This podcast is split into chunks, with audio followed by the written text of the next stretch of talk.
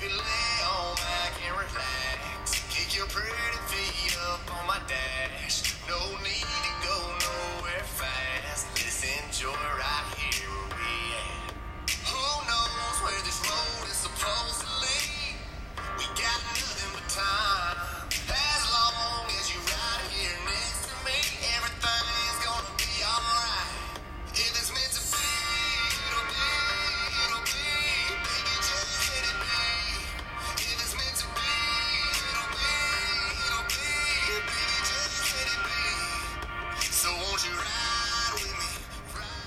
Hey everyone, balik lagi di podcast Daily Korma segmen ngoceh episode ke 60 Nah, pada segmen kali ini Gue pengen sedikit lah ngomongin uh, karya-karya lagi sih sebenarnya.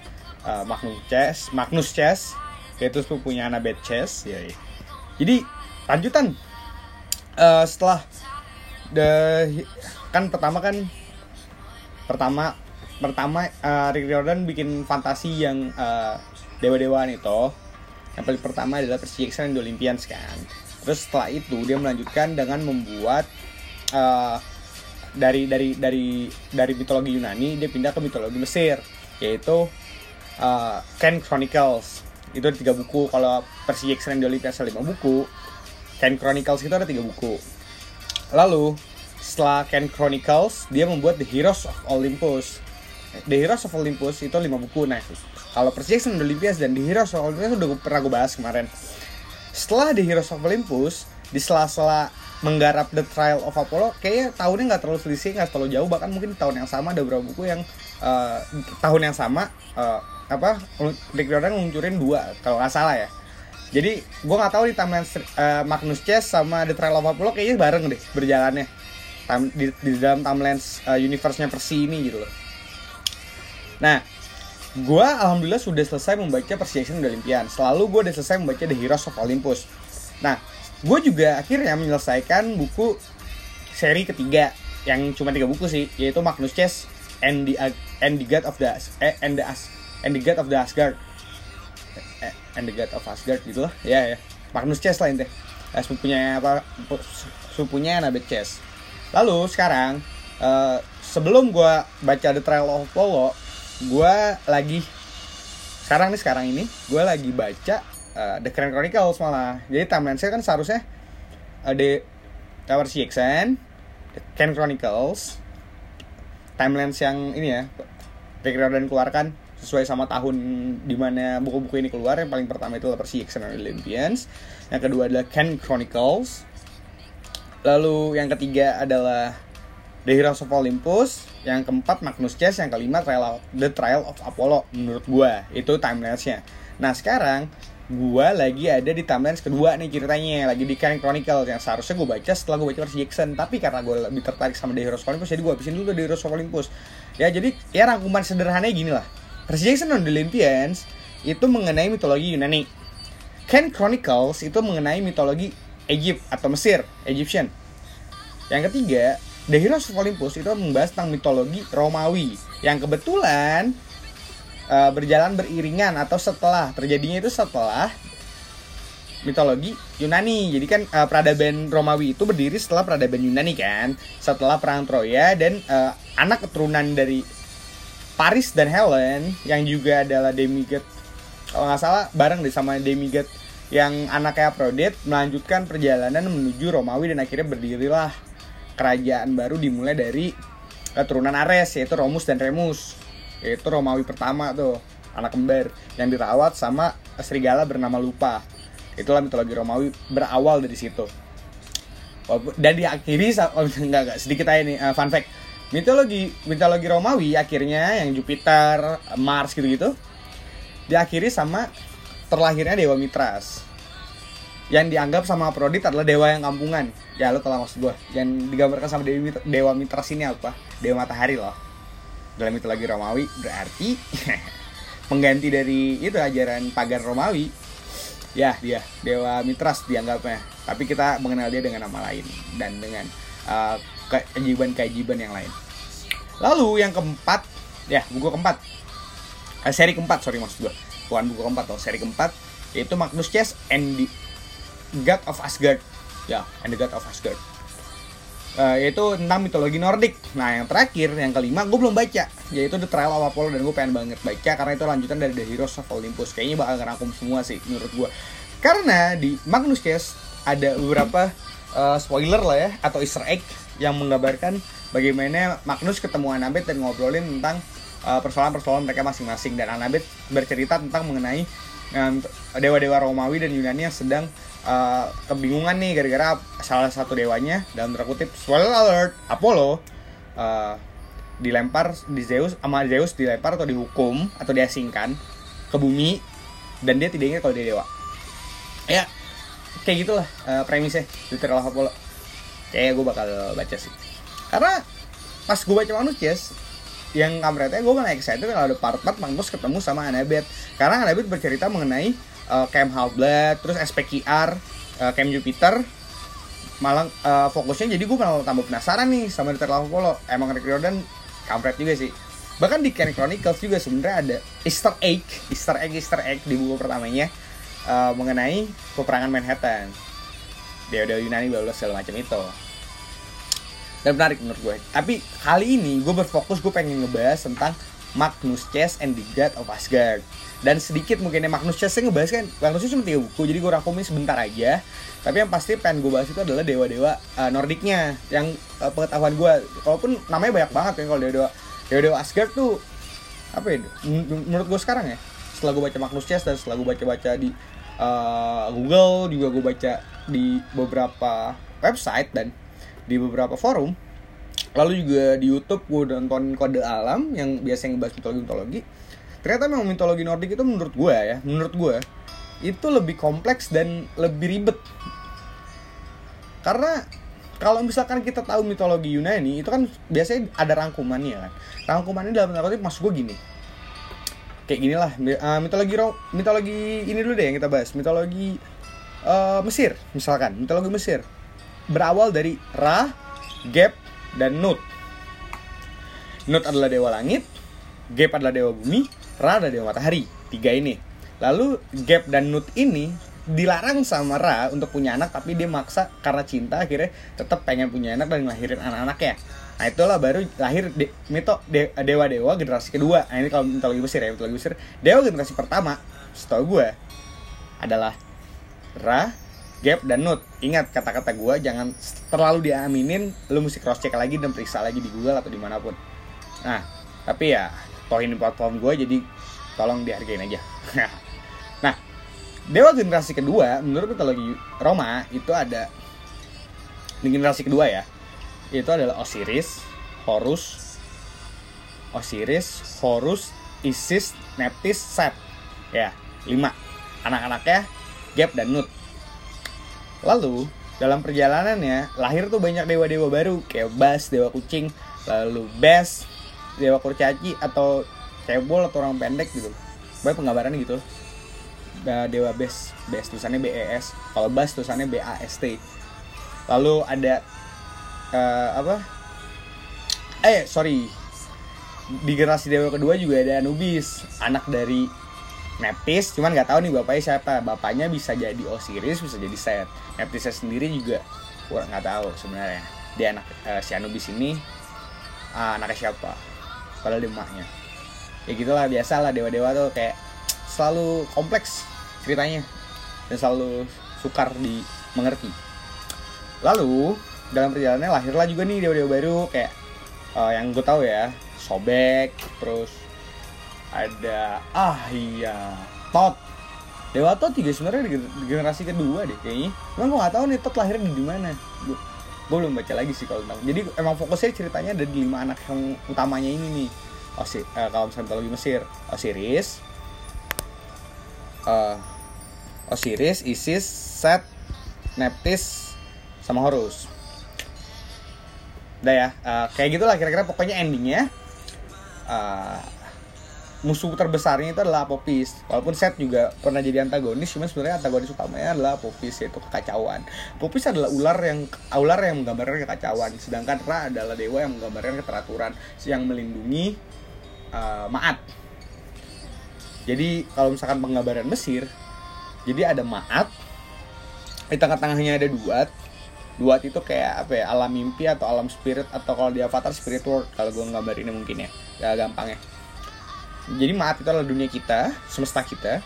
Duat itu adalah alam mimpi dan spirit dan sebagainya lah. Di mana tempat-tempat baba itu pada uh, berterbangan di sana. Kita bisa masuk ke, ke duat lewat ba atau lewat uh, raga kita keseluruhannya. Kalau misalnya kita punya kodam sihir nah, itu penggambarannya gitu konten mitologi Mesir nah terakhir adalah kacauan yaitu uh, apopis apopis apopis itu adalah sebenarnya tugas Ra untuk uh, mengusirnya tiap malam. Saya cerita seperti itu nah itu kalau mitologi Mesir. Lalu kalau misalkan mitologi Yunani kita tahu awalnya uh, dewa-dewa ini di, adalah dewa-dewa primordial yang awal-awal banget. Cuman uh, gue langsung rangkumin aja dari kisah Uranus lah. Uranus adalah dewa de gue gak tahu nih Uranus Titan atau dewa. Karena penggambaran dewa dan Titan dalam mitologi Yunani sangat jelas dipisahkan nah awalnya Gaia awalnya itu yang diciptakan itu kalau nggak salah kayaknya malam ma generasi pertama tuh malam Gaia nih uh, dewa-dewa primordial di mitologi Yunani Gaia malam Uranus tuh Uranus anak Gaia btw tapi uh, dia nikah sama Gaia juga. Maksudnya bukan anak Gaia tapi diciptakan oleh Gaia Uranus. Uranus tuh langit Gaia itu bumi lalu malam atau kosongan lalu ada uh, ya kekosongan itu malam atau kacauan ya awalnya ya gitulah pokoknya uh, dewa, pembagian itu dewa primordial lalu masuk ke Titan. Titan baru dewa-dewa kan. Kalau di Yunani pembagiannya seperti itu. Dan itu sangat lebih sangat mudah untuk dimengerti. Kayak misalkan generasi awal uh, rajanya para dewa adalah Uranus. Uranus akhirnya dilengserkan sama anaknya yaitu Kronos. Kronos akhirnya dilengserkan juga sama anaknya yaitu adalah Zeus. Nah singkat cerita seperti itu. Penggambarannya akan lebih mudah dimengerti. Nah cuman akhirnya gue masuk ke poinnya. Mitologi Nordik mitologi Nordik. Kayak kalau mitologi Romawi mah gak usah gue bahas ya karena kan itu lanjutan dari mitologi Yunani sebenarnya. Hanya ada beberapa tambahan dewa baru dan karakter-karakter baru. Juga tambahan-tambahan uh, dewa-dewa yang mengakhiri zaman Romawi kuno. Nah kalau misalkan poin gue adalah dewa Nordik nih. Akhirnya kita pengen gue pengen ngebahas ini sebenarnya. Dewa Nordik dewa Nordik itu uh, terbagi menjadi tiga bangsa. Ya kalau kita bicara bicara tentang uh, awal pembentukan tatanan semesta menurut dewa Nordik awalnya itu ada dua uh, sosok yang ada di muka bumi uh, di semesta inilah semesta itu yaitu Ymir Sap Ymir dan Jotun sapi sapi dan raksasa besar. Nah lalu dari pertengkaran antara Ymir dan Jotun raksasa besar yang besar banget ini bukan kayak Jotunheim yang sekarang sekarang penggambaran Nordik ini gambar gampangnya lah. Gue bernarasi mengenai gampangnya mengenai dewa Nordik mereka dibagi tiga akhirnya uh, singkat cerita Ymir sama Ymir ini akhirnya uh, mati dan akhirnya dia membangun uh, peradaban bla bla segala macam. Singkat cerita dewa-dewa ini akhirnya dibelah tiga. Dibelah tiga kan nggak cuma dua. Yang kita tahu dewa itu kan Asgardian. Ya kan? Asgardian tuh pasti kan kayak kita tahu, lah Thor Odin Frigga gitu gitulah Loki enggak Loki Jotun men. Nah itu dia. Makanya gue bilang kebelah tiga Aesir uh, iya Aesir Vanir nah ya Vanir itu Vanir tuh kayak Freya Frey. Terus Freya Frey. Siapa ya? Baldur enggak Baldur Asgardian. Bas Baldur tuh uh, Aesir bukan Vanir Vanir itu Frey Freya Mimir Mimir Aesir lalu yang ketiga itu Jotun. Nah Jotun juga ada dewa-dewanya kayak dewa laut kuno. Di mitologi Nordik siapa? Gue lupa namanya ya bininya gue inget uh, kan Ken loh bininya uh, itu pokoknya gitu jumlah tiga. Dan di, this is the whole new level of uh, mitologi kalau menurut gue mitologi Nordik itu lebih kompleks lebih lebih lebih berani gitu menceritakan tentang kematian kematian dewa dewanya itu. Kayak Balder terus dan tapi fokus ke antagonis utamanya sebenarnya gini loh. Kayak Thor sama Jot Thor adalah penjaga Midgard. Dia dia mengawasi Midgard dari serangan uh, raksasa es dan raksasa api yaitu uh, yang tinggal ada juga raksasa raksasa tinggal di Jotunheim. Jadi tiga tiga ini uh, karakter jahat lah. Nah kalau di mitologi Nordik penggambaran bumi ini itu seperti pohon dunia. Pohon dunia memiliki 9 realm. 9 lah ya 9 9 realm. Yaitu ada uh, Asgardian otomatis Asgard lah ya kita udah tahu yang paling atas. Lalu Midgard yaitu bumi. Nidavellir, Fenrir, Nida Nidavellir tuh tempatnya para kurcaci, Aitri kalau lu pernah nonton di MCU ya kan? Ya itu tinggalnya di Nidavellir. Terus eh, ada juga ini apa eh, tempatnya para elf. Yaitu Elfham terus juga ada eh, Helheim. Helheim itu nerakanya. Lalu ada eh, tempatnya para Fenrir atau dewa-dewa yang bangsa kedua bangsa perdamaian Fenrir. Aesir tuh lebih demen perang tuh kayak Thor, Odin gitu, -gitu lah. Lebih lebih rusuh lah. Dewa-dewanya lebih rusuh. Kalau Fenrir tuh dewa-dewa lebih kalem gitu. Lebih kayak ngomongin tentang eh, tanaman sawah gitu gitu nah penggambaran tuh di belah dua gitu. Jadi dewa perang apa ya penggambaran sederhana dewa Nordik tuh penggambarannya hmm, bisa dibilang di belah dua. Di belah dua Fenrir sama Aesir yang selalu beribut eh selalu ribut. Selalu ribut. Sampai akhirnya mereka berdamai. Dan sampai akhirnya ada beberapa jotun pun yang menjadi dewa singkat cerita sebenarnya Fenrir itu uh, cinta damai Aesir itu cinta perang. Bisa dibilang kayak gitu makanya itu karakter karakter yang dari Fenrir kayak Thor yang sangat sangat suka perang. Lalu juga ada dewa pembalasan Tyr. Eh dewa bukan dewa pembalasan dia dewa eh, tantangan lah. Dewa dewa dewa taruhan Tyr. Terus juga ada Balder. Balder anaknya Odin juga adiknya Thor. Kayak bontot deh Balder nih soalnya Balder akhirnya mati tangan Loki. Eh bukan tangan Loki tangan kakaknya juga yang buta. Karena di ya karena karena Loki juga sebenarnya. Pokoknya intinya intinya antagonis utama dalam cerita Nordik itu adalah Loki. Oh, nah Loki ini bukan adanya Thor bro. Kalau di MCU kan adanya Thor. Loki ini sebenarnya diangkat adik diangkat adik sama Odin dia dianggap sebagai anaknya Odin. Walaupun sebenarnya Loki eh anaknya Odin adiknya Odin. Jadi sebenarnya Loki sama Thor itu kenapa sering digambarkan bersama? Karena ada banyak cerita-cerita yang menggambarkan Thor dan Loki bekerja sama sebelum akhirnya Loki diasingkan ya di di dipenjarakan. Sampai akhirnya dia bebas menggunakan Narok lagi. Nah saya cerita eh, intinya dalam mitologi Nordik antagonis utamanya adalah si Loki.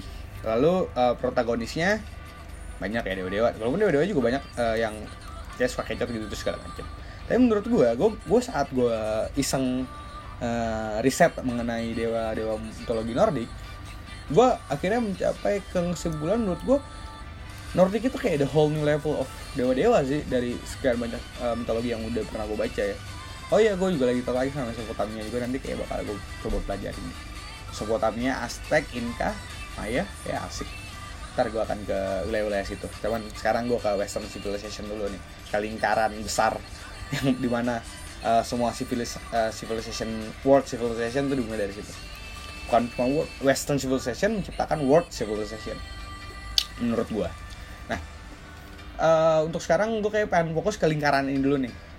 Di lingkaran peta yang you know what? Di situ ada Mesir di situ ada Nordik atau apa Skandinavia di situ ada Itali Yunani dan tanah Syam atau jajaran uh, Arabia juga Asia ke atas dikit kayak kalau misalnya dipetakan gitu kalau lihat tuh dari handphone peta dunia. Ya kelihatan lah. Kayak cuma dari satu lingkaran tuh yang fokusnya kayak Western Civilization ada di situ gitu.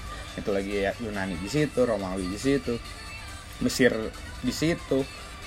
Bahkan sejarah-sejarah Islam juga ada di lingkaran itu gitu kan di tanah eh, Arab dan di atasnya tanah Syam di sampingnya ada, ada Mesir lalu di atas lagi ada Egypt di eh, atas kanan gitu di atas persis di atas eh, Mekah ke atas lah dalam misalkan di eh, peta dunia. Mekah ke atas dari Syam ke atas itu masuknya Turki kan kalau sekarang kalau dulu tuh Troya sebutannya.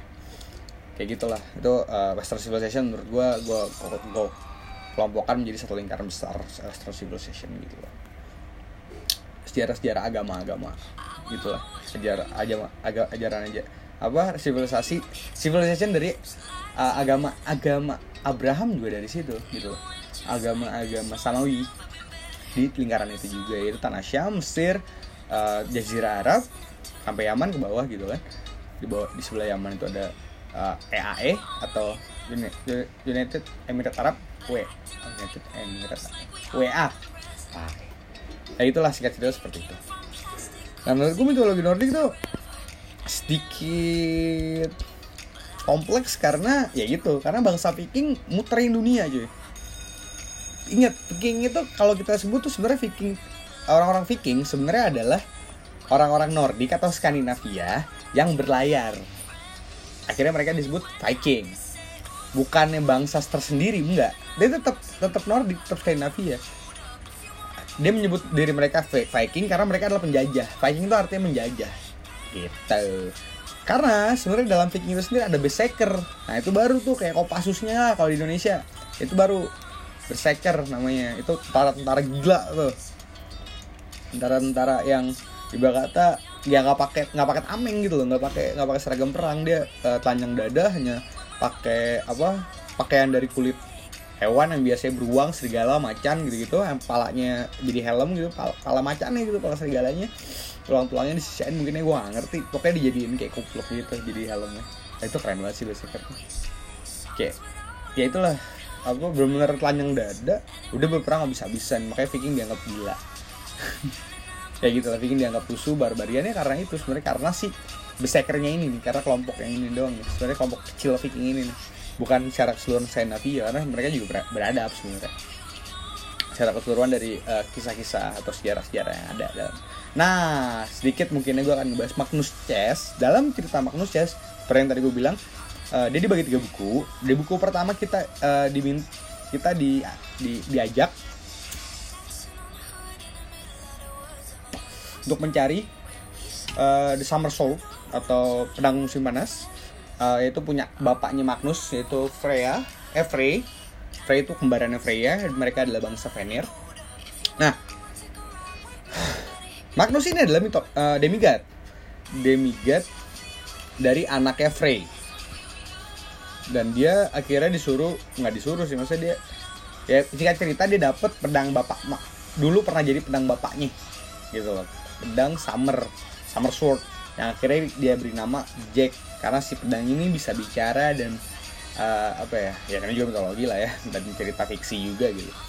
Dia bisa ber eh, komunikasi lah pedang ini. Pedang ini bisa berkomunikasi. Nama asli gue lupa kayak subborn or something gitu ngebak tentang hal-hal yang terbakar dan api-apian. Akhirnya eh, dipanggil Jack. Di buku pertama. Lalu dan juga di buku pertama ini menggambarkan bagaimana eh, lu tahu kan Loki punya anak tiga sebenarnya Loki punya anak lima sih kalau menurut gue ya. Ya maksudnya yang yang ada di mitologi Nordiknya sendiri, yang dua dibunuh. Ya dibunuh sama dewa-dewa buat menjadi hukumannya Loki. Serem kan? Dia punya dua anak yang dibunuh dan ususnya dipakai buat niket Loki di eh, pengasingannya di penjaranya. Serem ya. ya. Lalu ada ada ada juga anak-anak Loki yang lahir dari eh, raksasa yaitu Hel, Fenrir, dan Jormungand. Jormungand itu ular. Lalu kalau misalkan lo mungkin di God of War yang terakhir yang tentang mitologi Nordik sedikit lah dibahas tentang Loki gitu. Tapi Loki di situ kan jadi antagonis yang baik, eh jadi pemeran yang baiknya. God of War. God of War malah dibalik gitu kayak Loki yang baik sialannya. An- Jadi anaknya si siapa? Kronos. Eh Kratos. Kalau di, apa God of War yang tentang mitologi Nordik. Nah, singkat cerita, uh, Loki ini punya tiga anak, yaitu Fenrir, Jormungand, dan Hel. Hel itu penguasa Helheim, yaitu neraka. Nah, kalau misalkan uh, mitologi Nordik tuh surga atau afterlife itu rada rada rada ngebingungin juga sih karena ada Valhalla, ada terus juga ada surganya orang-orang Fenrir, gue lupa namanya, yang di, yang uh, dikuasai sama Freya. Kalau misalkan Valhalla tuh dikuasai sama Odin, juga ada afterlife di Helheim buat orang yang uh, matinya nggak keren lah dalam tanda kutip ya. Nggak baik gitu matinya matinya, matinya tidak berjuang dan uh, kayak mati gitu dong kayak bunuh diri sebagai di Helheim. Terus juga ada yang mati di laut akhirnya jiwa-jiwa dikumpulin sama dewa uh, laut. Eh random lah pokoknya random. Kalau kalau nanti itu random. Nah jadi di buku pertama ceritakan dia mencari pedang summer sword ini terus juga uh, menyelamatkan dunia dari uh, terlepasnya Fenrir. Fenrir itu serigala gitu yang dikurung Uh, dan di buku pertama tuh Fenrir hampir hampir bisa kabur gitu loh dari penjara dan uh, si Magnus tuh berusaha untuk uh, tetap mengganti talinya Fenrir dan tetap mengurung Fenrir dalam uh, penjaranya. Nah kalau di buku yang kedua kita diajak untuk mencari palu Thor. Dan uh, singkat cerita dalam pencarian itu akhirnya Paul juga ketemu cuman uh, dengan kesalahan yang sama dia akhirnya uh, mereka akhirnya membebaskan Loki ya, ya itulah Loki jadi antagonis utama. Yang ketiga baru the seal the the, uh, the shape of death. Dia akhirnya uh, mesti ngelawan Loki dan pasukannya yang akhirnya cuma ngelawan Loki doang. Dalam perang tau gak lo perangnya apa? Magnus akhirnya ngelawan Loki dengan cara gimana? Adu mulut. Ceng-cengan. Ya ceng-cengan. Bahasa bahasa kita ceng-cengan Magnus kalahin Loki dengan cara ceng-cengan dalam buku itu. Dalam draku itu sebenarnya ya adu apa ya kalau sebutannya gue lupa di buku. Cuman ya kalau gue sih gambarnya ya ceng-cengan sebenarnya. Karena Loki tuh mulutnya jago banget kan kayak si lidah emas lah.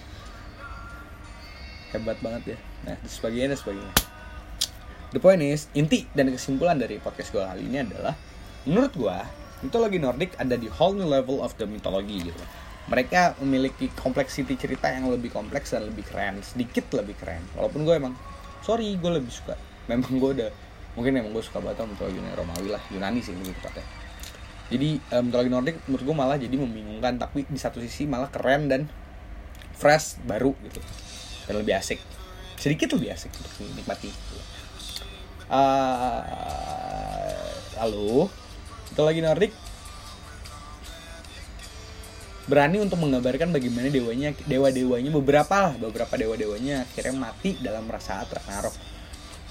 Ya mitologi Nordic sangat berani untuk menggambarkan bagaimana dewa dewa ini akhirnya bisa dalam tanda mati saat Ragnarok terjadi. Ya Ragnarok itu adalah kiamat lah. Karena uh, kiamat itu kan banyak bahasanya kan kayak ada yang nyebut Armageddon, Harmageddon, Armageddon, Harmageddon tuh beda. Harmageddon tuh perspektif uh, agama satu dan Armageddon agama yang lain. Lalu ada Apokalips dalam uh, bahasa Inggris. Lalu kiamat kalau kita mungkin tahu ada kiamat. kiamat ya, kalau orang Islam mungkin diajarkan bagaimana kiamat kalau terjadi. Ya gitu lah, banyak-banyak sebutan untuk kiamat. Nah, kalau itu no, kalau Ragnarok itu kiamat versi uh, apa mitologi Nordik dan ya singkat cerita mitologi Nordik keren walaupun tidak se apa ya gue tidak terlalu menikmatinya. Gue kayak maksain buat cepet kelar baca ya. Ya kayak waktu baca di of Olympus atau Percy Jackson. Ya gue lebih terlalu excited mitologi Romawi kayaknya dibanding sama mitologi Nordik but tetap recommended. Buku manusia tetap menurut gue recommended untuk kalian untuk beli-beli dan dibaca dan dinikmati sebagai hiburan ya. Yang gue takut lo baca buku-buku kayak gini gitu kayak buku Don Brown, Da Vinci Code dan sebagainya terus uh, Ken Chronicles, Jackson, ya Heroes Olympus terus lo baca itu tuh lo anggap bener gitu. Cuman gara-gara ada disangkut pautin sama fakta ada faktanya ada ada mitologinya ada ingat ya kayak ya inilah kayak Harry Potter juga lah. Ada ada apa namanya ada ramuan atau apa ya teknik tips uh, something yang selalu sama gitu dalam uh, buku-buku cerita fiksi yang uh, ada kaitannya sama dunia nyata ini. Uh, ada hal-hal yang dimasukin itu adalah fantasinya lalu ada kebenaran maksudnya sejarahnya gitu ada logika sederhananya. Terus ada uh, intrik-intrik fiksi-fiksi yang ditambahkan sama si penulis gitu. Drama-drama yang diciptakan atau konflik-konflik yang terjadi gitu dan itu menurut gue ya udah cuma sebatas hiburan aja jangan lu makan apa jangan lu percayain sepenuhnya kayak downtown apa segala macam itu ya cuma hiburan aja ya. Walaupun emang ada fakta di dalamnya cuman ingat dalam uh, buku-buku novel ini itu ya udah jadikan hiburan aja nggak usah terlalu diambil ya lalu uh, sedikit mungkin gue pengen bahas sedikit satu karakter yang paling uh, mencengangkan atau mengagetkan gue saat gue baca Magnus ya yaitu ada satu yang gue abadikan uh, gue pengen selalu ingat dia yaitu Samira Al Abbas ini adalah karakter Valkyrie atau uh, pejuang Odin. Nah Valkyrie itu wanita-wanita yang menjadi bisa dibilang bodyguard Odin atau uh, pejuang-pejuang Odin lah. Dia dia bergerak atau berjuang atas sama Odin. Beda sama Berserker nih. Berserker tuh lebih ke uh, Balder. Uh, ininya uh, Balder atau Thor gitu gua tahu kayak Berserker nih. Ininya apa namanya? Uh, dewa yang naunginnya lah dalam kutip hmm. ntar gue dulu eh iya suara apa gue lagi ngerokok tuh ganggu gak sih kalau misalkan di episode sebelumnya dan kayak episode ini juga? Cuman ya udah lah nikmatin aja. Gue pengen sambil ngerokok bodo amat. Nah udah. Ada Samir dah Samir karakter Samir Al Abbas ini adalah karakter muslim. Lu bayangin tuh. Di dalam cerita story yang eh, pagan banget ya kan mitologi Nordik ya pagan lah menyembah berhala tanda kutip. Itu ada satu karakter eh, Samir Al Abbas yang dia adalah orang Islam dan dia sholat puasa lebaran idul fitri dan sebagainya lah. Dia benar menjalankan dan dia eh, orang Islam yang taat yang digambarkan sama Rick Jordan dalam buku manusia itu namanya Samir Al Abbas dia pakai kerudung warna hijau. Keren kerudungnya. Dan dia tidak akan pernah melepas atau mempertunjukkan eh, rambutnya ke depan publik kecuali depan keluarganya dan orang-orang yang dianggap keluarga. Sarkas dikit ya buat orang yang pakai kerudung cuman belum bener kerudungnya. Lalu eh Nah Samira Al-Abbas ini bikin gue jadi insecure atau malu sendiri sebagai orang Islam yang sebenarnya. Mas gue dalam tanda kutip eh, dalam karakter fiksi di kar- si karakter fiksi ini dalam buku tersebut digambarkan sebagai orang yang rajin puasa dan dia berpuasa saat lagi menjalankan misi. Karena saat itu misi terjadi saat bulan Ramadan dan dia juga rajin sholat dan beribadah dan dan sebagainya. Mas gue gue sebagai orang Islam yang beneran yang nyata yang hidup gitu yang ada darah dan daging nggak cuma karakter fiksi malu sendiri gitu. Kadang-kadang gue eh, masih ada bolong-bolongnya sholat gitu kan. Cuman dia malah rajin banget. Padahal tiap hari eh, hari-hari ini dihabisin dia ketemu dewa-dewa Nordik gitu kan. Aneh sebenarnya.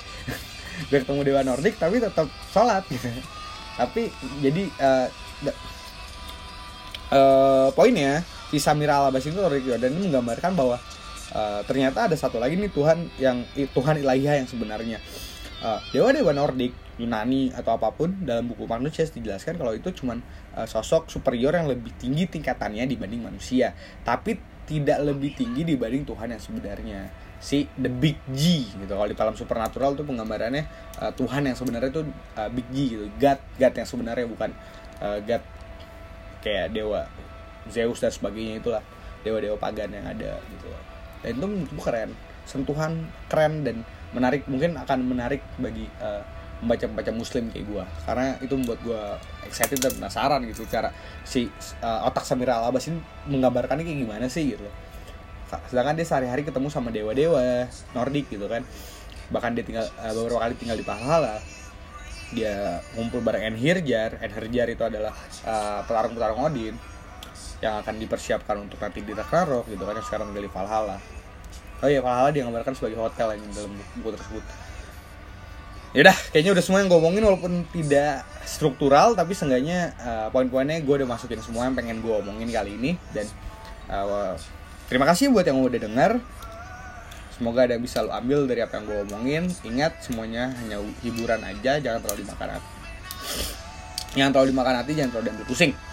Tetap semangat, jalan puasa dengan baik. Insya Allah kita akan menuju hari kemenangan sama-sama. Ingat, lebaran itu adalah hari kemenangan dan hanya untuk orang-orang yang jadi pemenang. Kalau lu bukan pemenang, gak usah ikut-ikutan lebaran. ya, you know what I mean lah. Nah, udah. Hmm, Oke, thanks yang udah denger. Ingat kalau ada apa-apa langsung kabarin gue jadi eh, di DM, Instagram, Twitter, whatever selalu. Dan lu bisa langsung eh, hit me at Instagram di @kormali, di Twitter juga @kormali atau lu bisa kirim email ke gue di kormali@gmail.com. Episode 60. Episode 60 baby. Yeah, gue Kormal pamit. Ca ca ca. Ciao. Bye.